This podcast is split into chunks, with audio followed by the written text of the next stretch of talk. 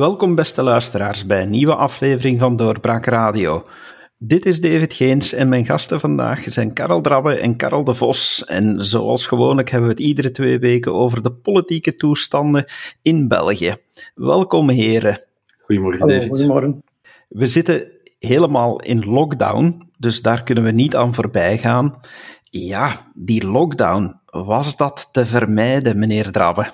Ik denk het niet. Hè. De signalen waren heel duidelijk in de rest van Europa ook. Ik denk, als ik het goed voor heb, dat uh, Ierland het eerste land is geweest dat in een quasi-volledige lockdown is gegaan. Nederland is gevolgd, waar dan Nederland eerder dit jaar toch een veel gematigdere politiek en aanpak had van, het van corona dan wij hier in België. En dan zeker op het moment dat Macron, het klassieke verhaal, als uh, Frankrijk iets beslist, als het regent in Parijs, dan druppelt het in Brussel. De Franse Franstalige uh, landgenoten kijken nog altijd massaal. Hè. Een derde van de Franstalige bevolking kijkt toch nog altijd massaal naar TF1, naar het nieuws.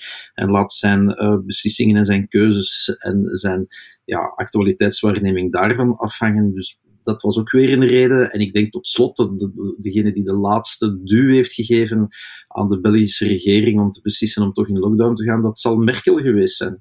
Op het moment dat Duitsland toch een vrij succesvol coronabeleid heeft gevolgd, door vooral lokaal, uh, op, op het lokale niveau heel sterk in te zetten en in te perken, ja, van zodra dat in Duitsland er werd doorgestapt naar een soort lockdown light weliswaar, denk ik dat alle argumenten uh, er wel waren om ook in België een lockdown te gaan. Vergeet niet, en dat is natuurlijk de eerste premisse geweest, dat de cijfers in België en ook in de verschillende deelstaten rampzalig zijn. Dus er moest wel iets gebeuren. En als dan al je buurlanden, al je ommelanden uh, naar een lockdown, naar een situatie van lockdown overschakelen, ja, dan zou het gek geweest zijn mochten wij met onze rode cijfers toch geen rood beleid voeren.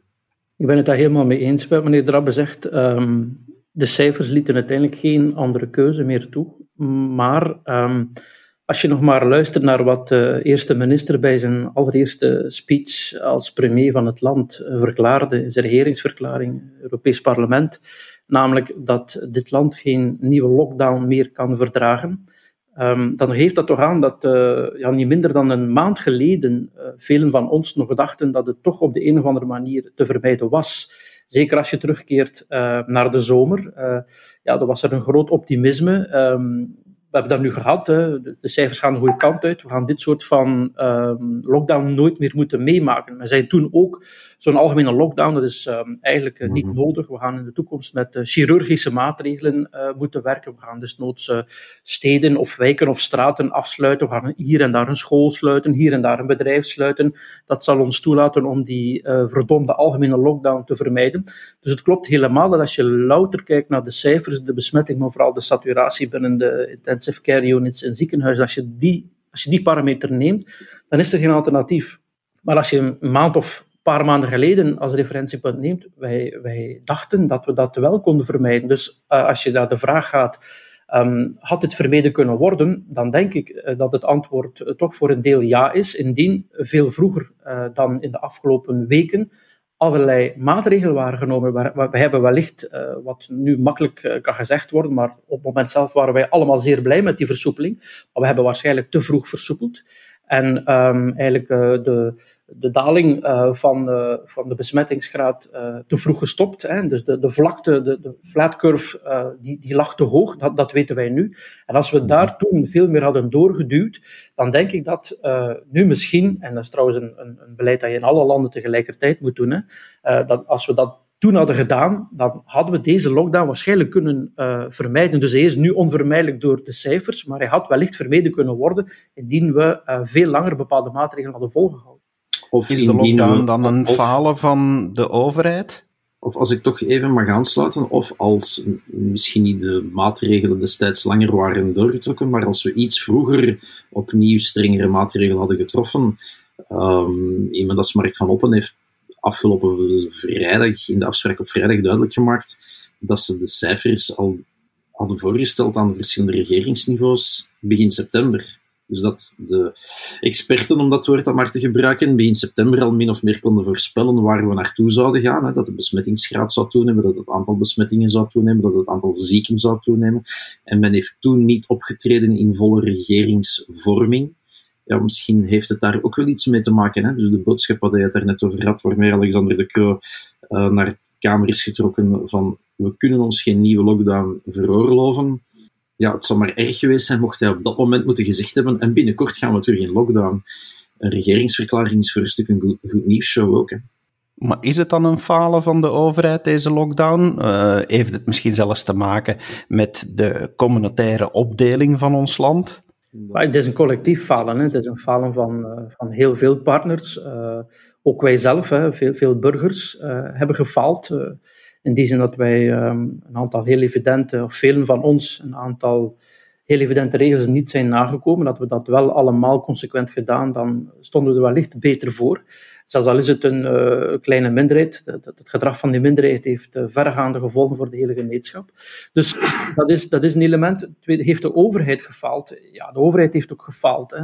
Om te beginnen. Um, ja, heeft de contract tracing, uh, werkt die nog altijd niet goed genoeg. Uh, het bronnenonderzoek uh, is bij ons nog onvoldoende goed ontwikkeld. Dat wil zeggen dat bij ons onvoldoende snel, als het al duidelijk wordt, onvoldoende snel duidelijk wordt waar eigenlijk de precieze bron van bepaalde besmettingen zit. Um, dus de contract tracing werkt niet goed. Op een bepaald moment is ook de teststrategie fundamenteel bijgestuurd.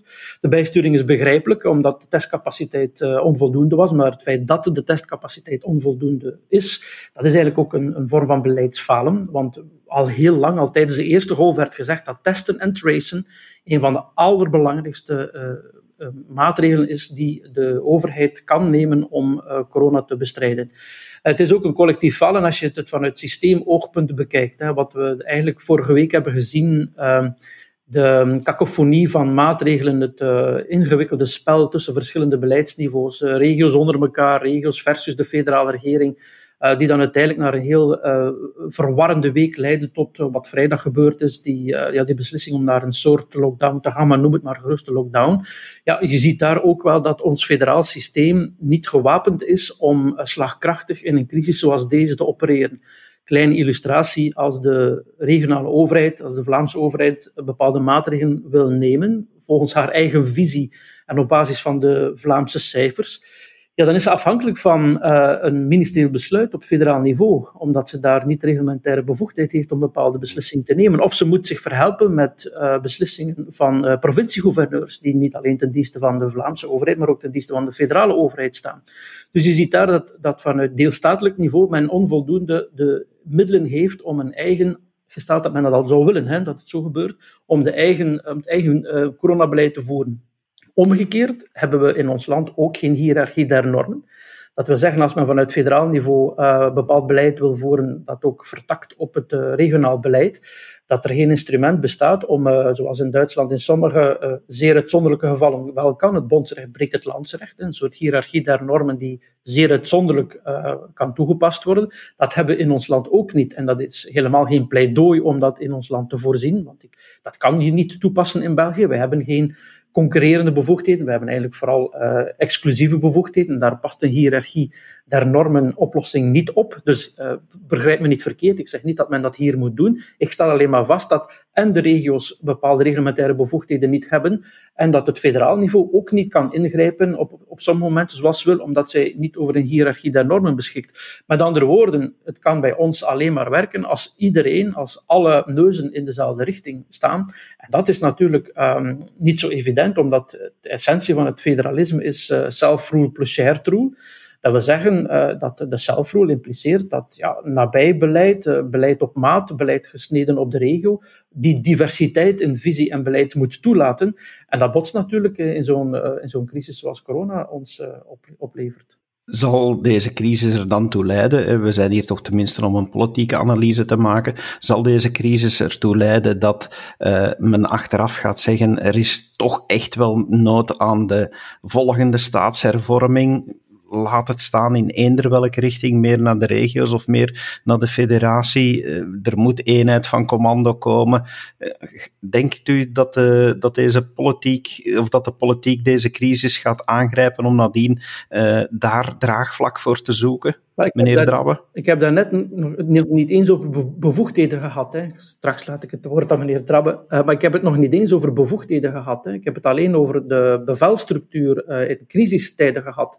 En als ik ervan uitga dat uh, deze coronacrisis niet de laatste is, uh, zeggen vele specialisten toch, ja, dan moeten we ons land ook op die manier voorbereiden. Dus nogmaals, het gaat niet over moeten zorgen herfederaliseerd worden, we moeten bepaalde niet alleen over die vraag of bepaalde bevoegdheden nu federaal of regionaal moeten zitten, maar ook hoe doe je dat eens die bevoegdheden zijn verdeeld over die twee niveaus? Hoe zorg je voor een uh, commandostructuur, hè, één commando, één beleid, één communicatie en uitvoering? Hoe zorg je ervoor dat uh, op momenten zoals deze, waar een uh, virus eigenlijk zich niets aantrekt van die specifieke bevoegdheidsverdeling, hoe zorg je dan je een eenheid in bestuurs krijgt? En ik denk dat daar wel over gesproken moet worden, al koester ik daar geen enkele illusie.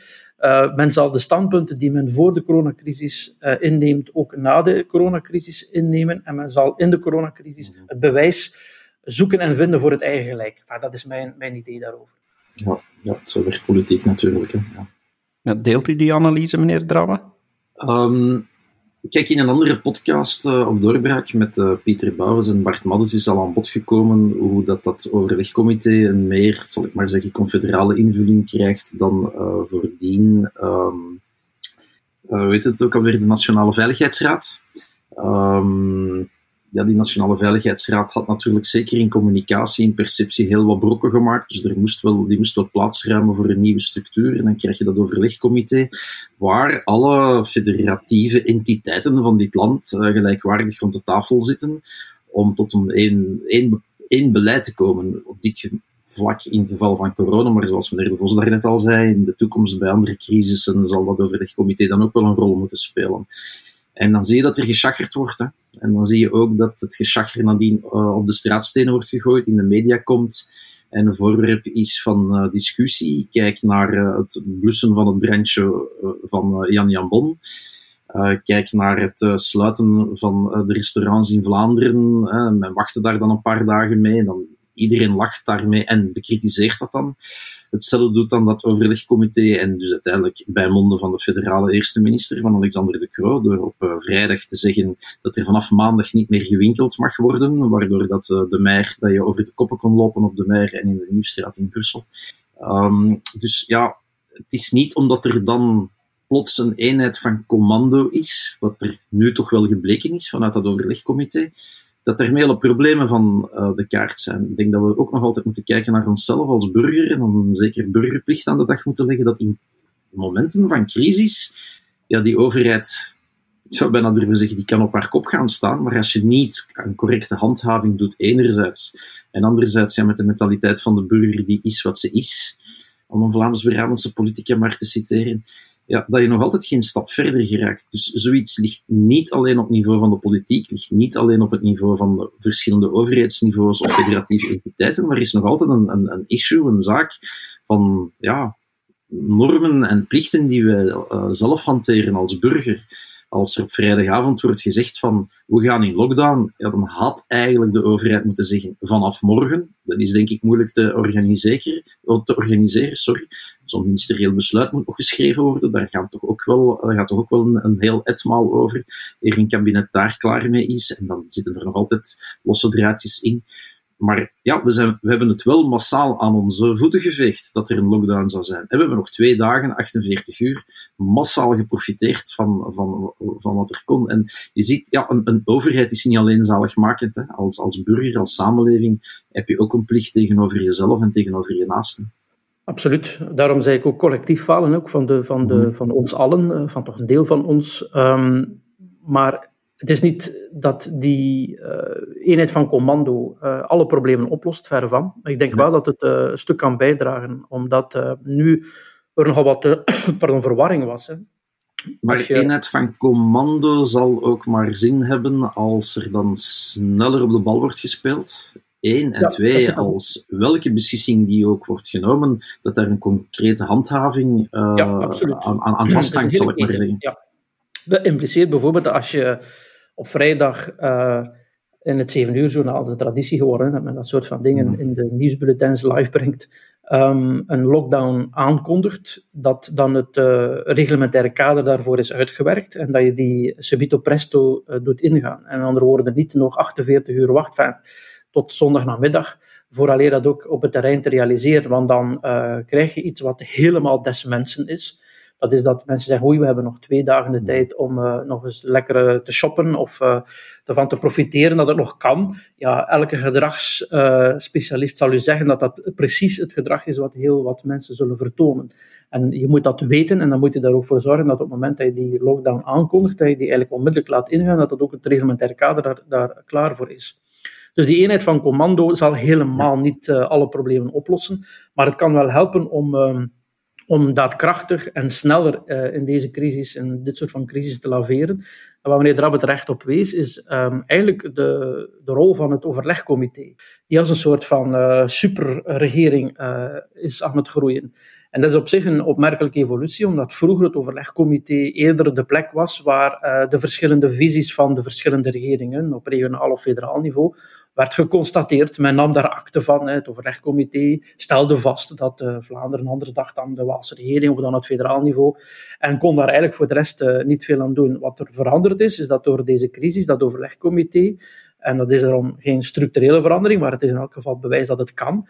Uh, ja, als het ware omgeschakeld is naar een, uh, regerings, uh, want het zijn allemaal ministers die daar zitten, een regeringsorgaan dat, dat eigenlijk dat federaal beleid, daarmee bedoel ik niet op het federaal niveau, maar voor de hele federatie, dat dat federaal beleid voert. Um, en dat dus eigenlijk in crisisregering er wel degelijk een orgaan is dat werkt en dat die coördinatiefunctie kan opnemen.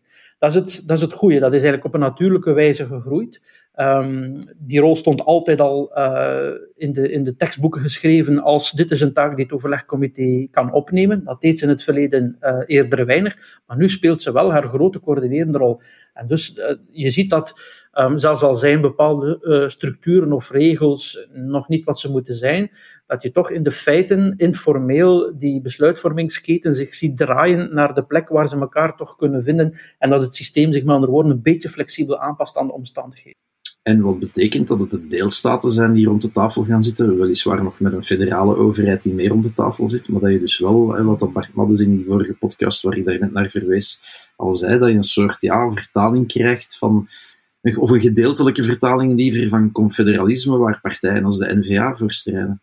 Maar kan Jan Jan Bonne als minister-president daar dan een loyale rol spelen? Want uh, hij zit daar toch een beetje gevrongen, zie je duidelijk, van uh, hij moet die beslissingen mee ondersteunen, maar anderzijds krijg je dan onmiddellijk vanuit zijn partij wel van opmerkingen, ja, maar we waren het er eigenlijk niet mee eens. En krijg je uitspraken van de minister-president zelf, die, die ook zegt van ja, wat dat ik daar doe, het, het is ofwel altijd te vroeg of te laat. Van, is dat niet een heel moeilijke plek voor hem om te zitten?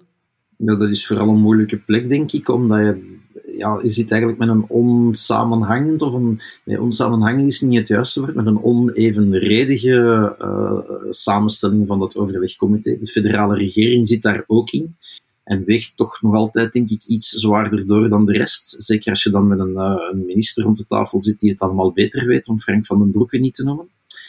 Um, dat is één. En twee, dat is dat je daar ja, ook door het samengaan van Vlaams gewest en Vlaams uh, gemeenschap. Vlaanderen zit daar met één vertegenwoordiger, Jan Jan Bon. En de rest van België zit daar met vier vertegenwoordigers. En dan is het natuurlijk altijd moeilijk. Is, het, is dan, een... het, is dan, wel veel te makkelijk om te zeggen van ja, dat, dat krijg je met een uh, federale regering die een Vlaamse minderheid heeft, want dat heeft daar niks mee te maken. Het heeft gewoon te maken ja. met uh, de constellatie van België en het aantal deelstaten en de verspreiding van bevoegdheden op twee niveaus, of op drie niveaus. Hè. Gewesten, gemeenschappen en het federale. En eigenlijk zou je, dat is misschien een, een, een gekke bedenking, maar misschien moet daar ook iemand van de VGC zitten. Waarom niet? Het zou het alleen maar, maar moeilijker uh, maken natuurlijk wat je zegt is helemaal juist. Hè? Die onevenwichten zitten daar. Um, maar het is wel zo dat Jan Jambon in de feiten over een vetorecht beschikt. In die zin dat uh, je hebt natuurlijk de, de, de, mentale overwicht, het overwicht in argumentatie. Je zit daar dan en al de rest uh, pleit voor een bepaalde beslissing. In tijden van corona ga je geen veto stellen hè, als wel, ja, maar, als minister-president. Absoluut, maar je zou het wel kunnen als je dat wil. Dus het is niet alleen een kwestie dat je daar um, ja, outnumberd bent, bij wijze van spreken, door de rest. Als je zegt van kijk, een bepaalde beslissing die in het overlegcomité voorligt, die uh, wil ik niet goedkeuren. ja, dan komt ze er ook niet. Hè. Men, werkt niet met een stemming, er is een, er is een consensus nodig, maar als je manifest verklaart niet uh, de beslissing te dragen, er dus eigenlijk geen consensus over is, ja, dan kan het overlegcomité die beslissing niet nemen. Ik denk dat niet zozeer het probleem van Jan Jan Bon, het overlegcomité, is dat hij daar um, met een tegenover een, een, groep staat die, um, die niet tot de Vlaamse regering hij dus in een minderheid is gesteld numeriek. Hij kan dat compenseren door uh, een feitelijk vetorecht te gebruiken. Ik denk dat het probleem vooral is dat hij, ja, hij spreekt daar namens de Vlaamse regering. Dat wil zeggen dat hij uh, niet het persoonlijke standpunt van Jan Jan Bon of dat van de NVA inneemt, maar hij zit er als leider van de Vlaamse regering. En binnen die Vlaamse regering zitten natuurlijk ook uh, twee andere partijen die wel op het federaal niveau meebesturen. Uh, en die daar natuurlijk ook een zekere mhm. loyaliteit voelen vanuit die Vlaamse regering ten aanzien van dat federaal beleid. Hè. Die partijen zijn, dat is, dat is, geen, uh, dat is geen bipolaire uh, configuratie, waarbij uh, de Vlaamse afdeling helemaal anders denkt en leeft dan de federale afdeling van CD&V en Open VLD. Dus dat is, ik denk dat dat een groter probleem is voor, voor Jan Jan Bon. Hij moet, daar, um, hij moet daar niet zozeer vrezen dat hij iets moet slikken wat hij absoluut niet wil, want dan kan hij uh, eigenlijk zijn vetorecht, zijn feitelijk vetorecht gebruiken. Hij zit daar in een moeilijke positie, omdat in zijn Vlaamse regering er partijen zijn die ook anders denken over hoe je die crisis precies moet aanpakken. En dat zorgt ervoor dat hij eigenlijk niet heel veel bewegingsruimte heeft, dat hij niet volledig zijn eigen of het N-VA-standpunt, wat dat ook precies mogen zijn, want dat is in mij niet altijd duidelijk, eh, dat hij daar het eigen standpunt van de N-VA kan innemen. En dat is voor hem hinderlijker, denk ik, dan geconfronteerd te worden met een uh, meerderheid aan niet-Vlaamse vertegenwoordigers.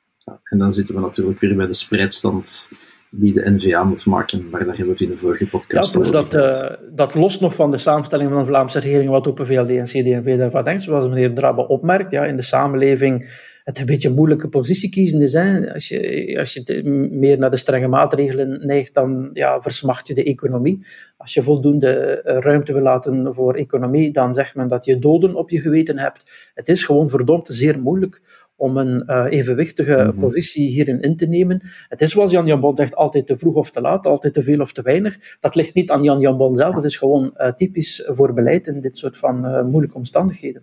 Ja. Hij wordt er natuurlijk wel zwaarder op afgerekend dan de premier of Frank van den Broeken. Hè. Dus de, de, die kloof van die twee dagen tussen de regeringsmededeling of de persconferentie liever enerzijds en een lockdown, hè, het uitvoeren van de beslissingen, als Jan Jan Bon dat voert, dan krijgt hij bakken kritiek in de media over zich heen. Als de kroon van den Broeke dat doen, dan krijgt er eigenlijk geen haan naar. En dan wordt er nog altijd met het vingertje gewezen naar die vorige, die een, een, vorige keer een persconferentie gaf en domme uitspraken deed, zoals over huizen die nog niet in brand stonden en moesten. Ik denk dat dat, uh, en dat is toch ook wel iets heel apart. Ja, ik denk dat dat een, ehm, een belangrijke vaststelling is. Um, eigenlijk die lockdown, zoals die vorig weekend uh, de eerste dagen in de soep draaide, um, en ook de, de verwarring die uh, er nog altijd is rond wat wel en niet mag. Hè. Symbolisch onder andere, je mag wel uh, kaarslicht kopen, maar geen kerstlicht. Hè. Um, als de regering Wilmes dat had beslist, dan hadden we met z'n allen gezegd, zie je wel. Uh, wat voor ja. een slecht functionerende regering dat wel is. Hè. Wat, een, wat een onduidelijk beleid. Uh, lockdown aangekondigd en de eerste 48 uur wordt het nog, uh, gaat dat virus nog flink rond, omdat eigenlijk de onmiddellijke uitvoering niet is voorzien enzovoort. Hadden we die kritiek zeker geformuleerd en terecht.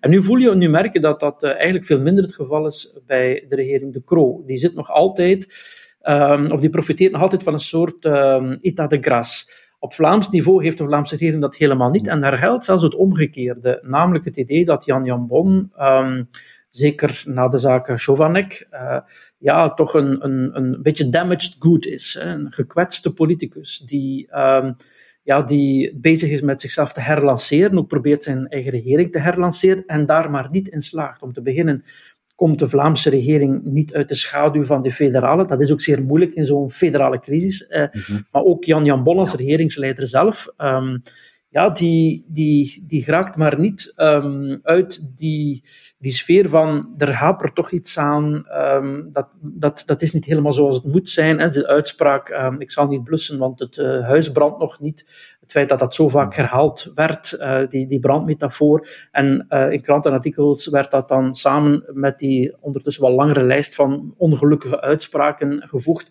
En dat levert eigenlijk een, een, een, beeld op van een regeringsleider die, ja, die, die een beetje het omgekeerde heeft van wat die federale regering op dit moment heeft. Namelijk, men kijkt ernaar als iemand die het niet heel erg goed kan. Uh, en, die, en die voor een stuk wat aan het sukkelen is. En als je eens in die positie zit, ja, dan wat je ook doet, dreigt het altijd uh, vooral uh, negatief bekeken te worden. Als je omgekeerd in een soort van état de grâce zit, zelfs dan maak je dan een fout, dan wil men dat wel eens met mantel der liefde toedekken en zeggen van, oh god, nou, niemand is perfect. Dus ik denk dat Jan Jan Monner in een soort van inverse positie zit, een omgekeerde positie van wat de federale regering op dit moment nog altijd beleeft. Ja, maar ja, dat brengt mij eigenlijk bij, bij hetgeen wat ik als volgend thema wou uh, vragen aan jullie. Dat is inderdaad dat je toch wel vaststelt dat die federale regering nu veel meer krediet krijgt, van dat, ze, dat ze veel minder afgerekend wordt, zoals u zegt, professor. En dat, uh, ja, dat, dat uh, er veel meer ja, of veel minder zwaar getild wordt aan fouten die daar eventueel, of aan fouten in de communicatie die daar gemaakt worden. Van, ja, dat is toch wel heel opmerkelijk, niet meneer Drabbe? Ja, dat, dat is het psychologische, denk ik. Hè. We hebben allemaal op een of andere manier rijkhalzend uitgekeken naar een nieuwe regering. Hè. Anderhalf jaar, sinds mei 2019 die is er dan. Die komt dan met heel veel grote woorden praten over vernieuwing van de politiek wat je dan ook ziet aan het vernieuwde personeel in die federale regering, uh, heeft een heel duidelijke beleidskoers. Hè, van we willen op een andere manier aan politiek doen, ook door het aspect van het kibbelen en het discussiëren te vermijden en met één stem te spreken. En dat allemaal tegen de achtergrond van die federale crisis, die de coronacrisis is, waar dat we allemaal op een of andere manier mee te maken hebben, doordat we allemaal wel mensen kennen die ziek zijn, die ziek geworden zijn, en nu nog concreter, omdat we terug in lockdown zijn.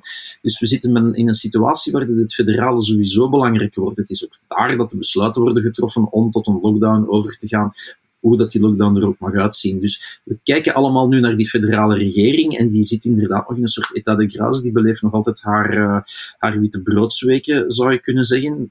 Daar komt een eind aan, hè, aan witte broodsweken. Op een bepaald moment is het business as usual. En als die lockdown een tijdje duurt, en vooral, en dan wil ik een ander punt aansnijden, men heeft nu uh, half december vooropgesteld als het einde van de lockdown en begin december om te evalueren. Ja, volgens mij is dat een doekje voor het bloeden. Hè. Men heeft niet gedurfd vorige week vrijdag om te zeggen dat deze lockdown tot na de feesten zal duren. Men wil de burger nog ergens wat hoop geven, dat er toch, hè, een, toch een sprenkeltje hoop geven, dat er wat licht aan het eind van de tunnel schijnt op het einde van dit jaar ik zou bijna durven voorspellen, maar je moet opletten met voorspellingen en met kristallenbollen. Kijk maar naar de, wat al onze waarnemers beweerd hebben over de Amerikaanse presidentsverkiezingen en dat nu niet recht uit te komen.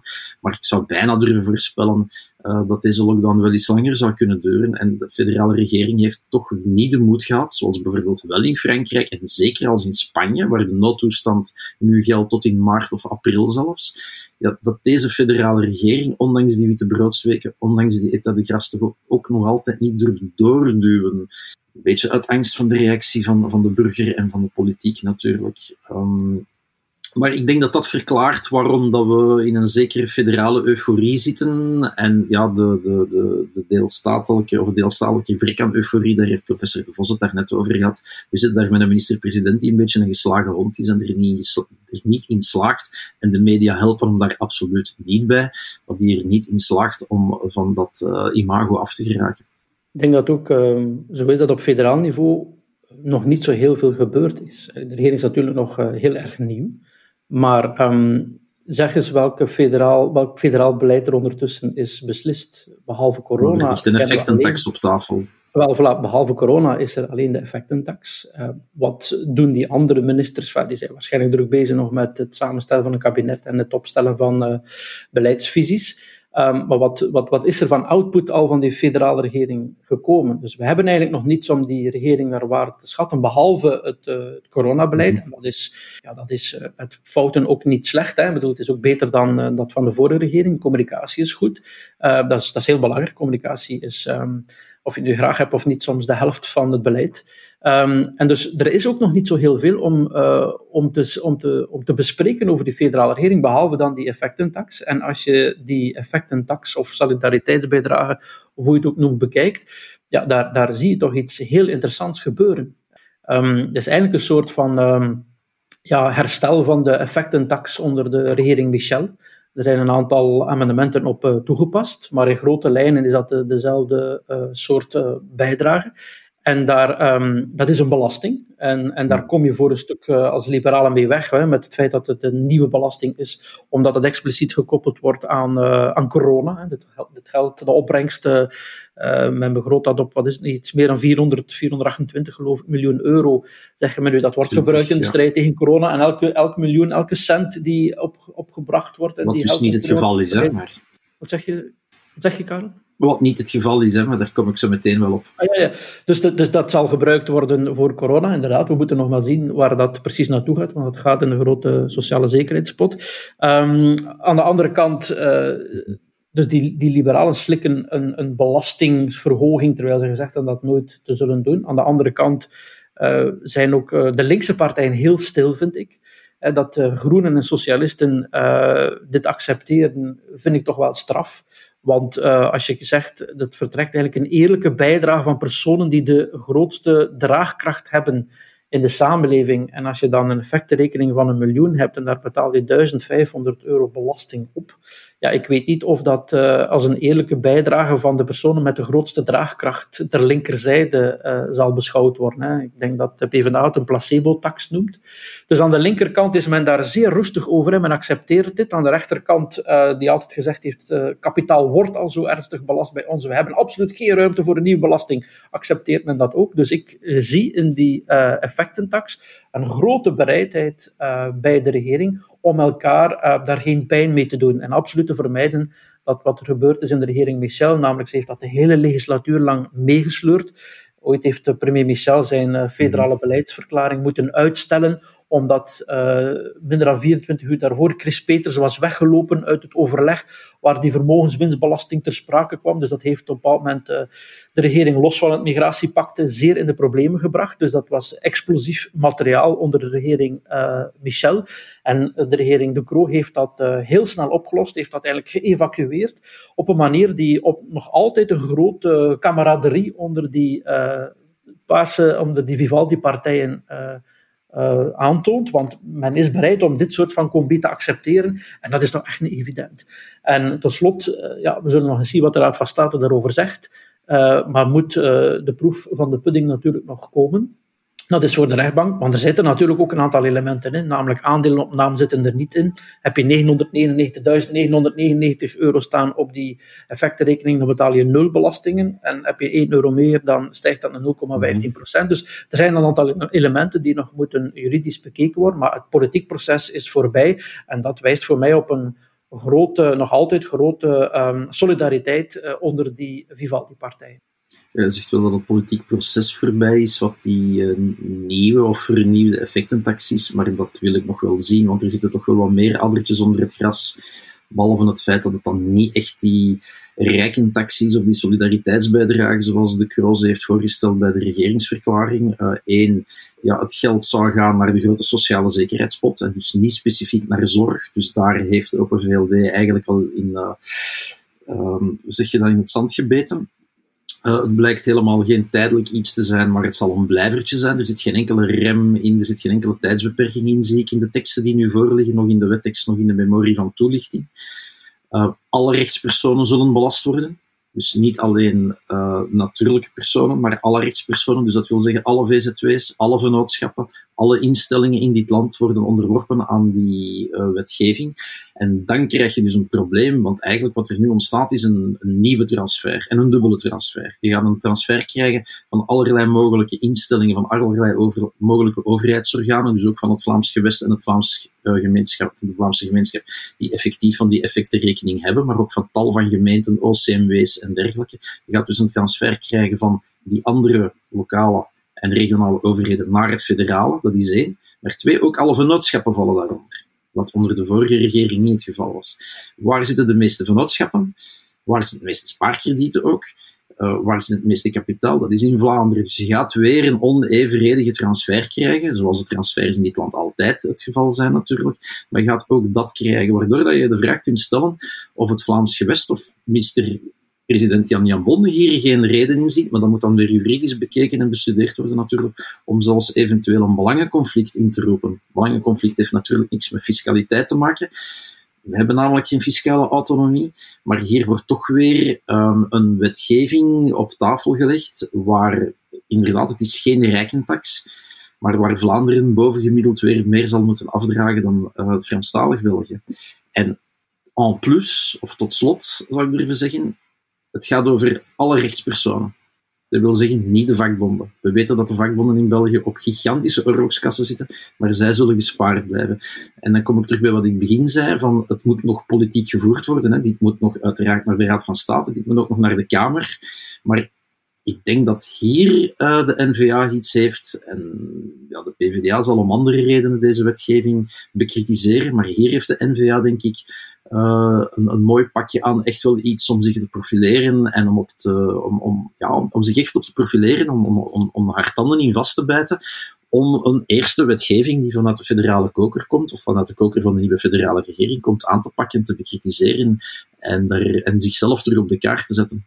Absoluut. En, en, en, te zeggen van kijk, zie je wat er gebeurt in een uh, regering zonder uh, Vlaamse, Vlaamse, meerderheid. meerderheid ja. die, haalt het geld in Vlaanderen. Dat soort van argumenten zullen dan uh, gebruikt worden, of ze juist zijn of niet. Maar wat de partij wel kan hinderen, is dat zij natuurlijk in de regering Michel um, de effectentax mee heeft goedgekeurd. En ja, maar er was een andere effectentax ja, dan deze. Hè? Dus de vennootschappen vielen daar niet onder. En die zijn trouwens. Voor het grondwettelijk hof vernietigd op basis van een non-discriminatiebeginsel. Ik weet niet of dat, mogelijk zou zijn met deze, uh, met de nieuwe effectentax die voor ligt. Dat moet allemaal nog blijken. Maar ik denk dat je vanuit de oppositie, vanuit de Vlaamse oppositie, dat er hier wel een stevige kluif ligt om echt aan oppositie te voeren, zelfs in tijden van corona.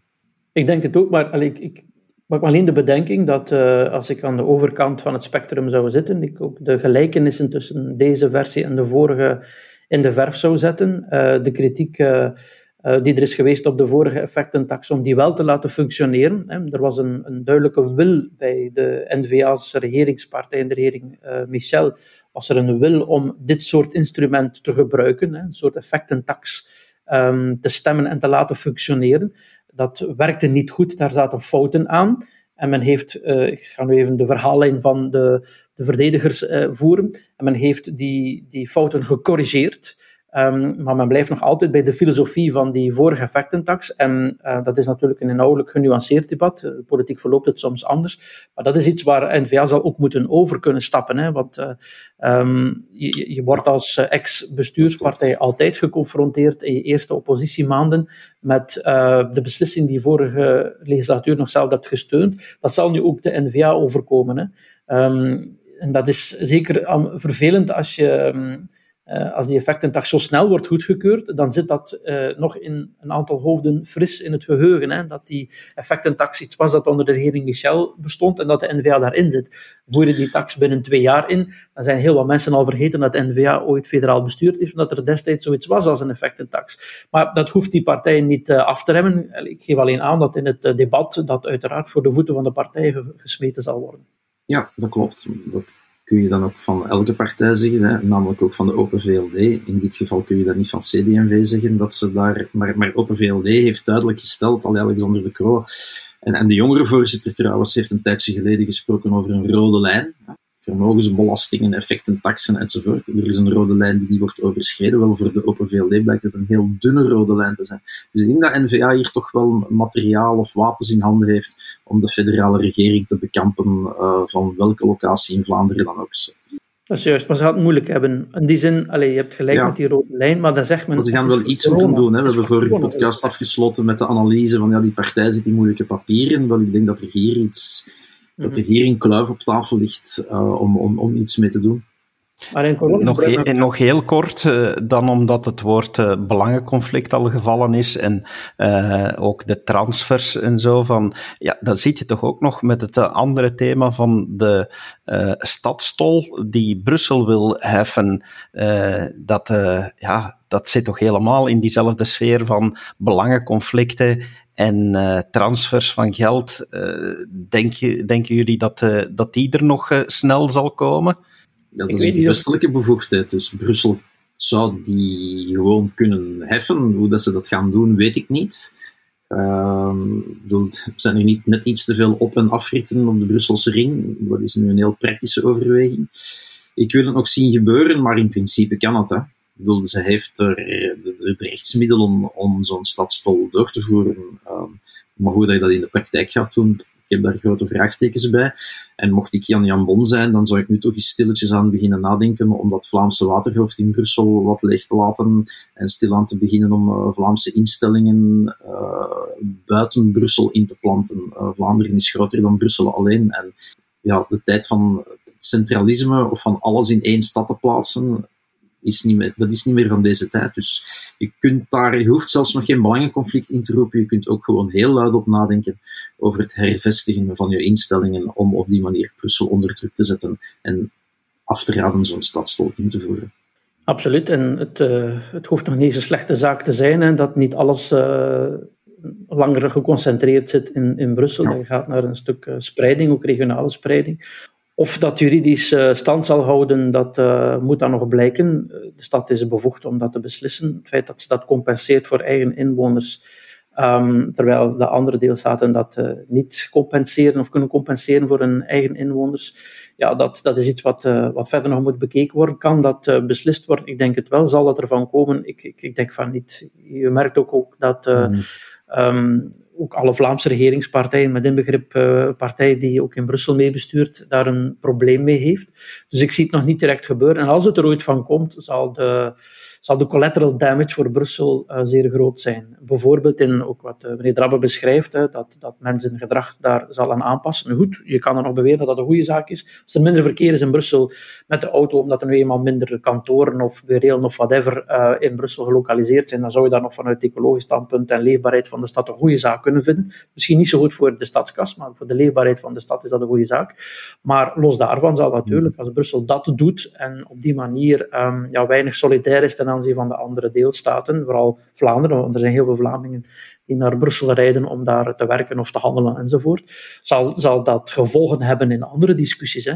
Uh, in debatten over uh, staatshervorming en financieringswet, zeg maar iets, een solidariteitsbijdrage ten aanzien van Brussel. Ja, als, je, als Brussel dat doet, dan zal ze daar op een andere manier wel de gevolgen van dragen en zal dat uh, leiden tot spanning in een ander dossier dan de stadstol. Um, en dan moet de Brusselse regering zich maar de vraag stellen of dat wel waard is.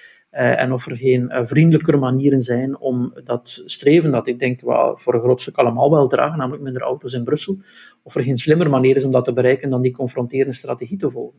Mm, goed, duidelijke analyse. Dankjewel, meneer Drabbe, meneer De Vos, uh, voor jullie bijdrage deze week. Uh, was zeer leerrijk en we kijken alweer uit naar de volgende analyse van ons duo Drabbe en De Vos. Graag gedaan, tot de volgende. En u, beste luisteraar, dank u wel dat u aanwezig was. En we nodigen u graag uit om zeker onze reeks podcasts, die we allemaal online zetten, te volgen en daar feedback op te geven. Dank je wel en tot de volgende keer. Dag. Dit was een episode van Doorbraak Radio, de podcast van doorbraak.be. Volg onze podcast op doorbraak.be/slash radio of via Apple Podcasts, Overcast of Spotify. Bezoek ook onze website op doorbraak.be en steun ons door een vriend te worden van Doorbraak.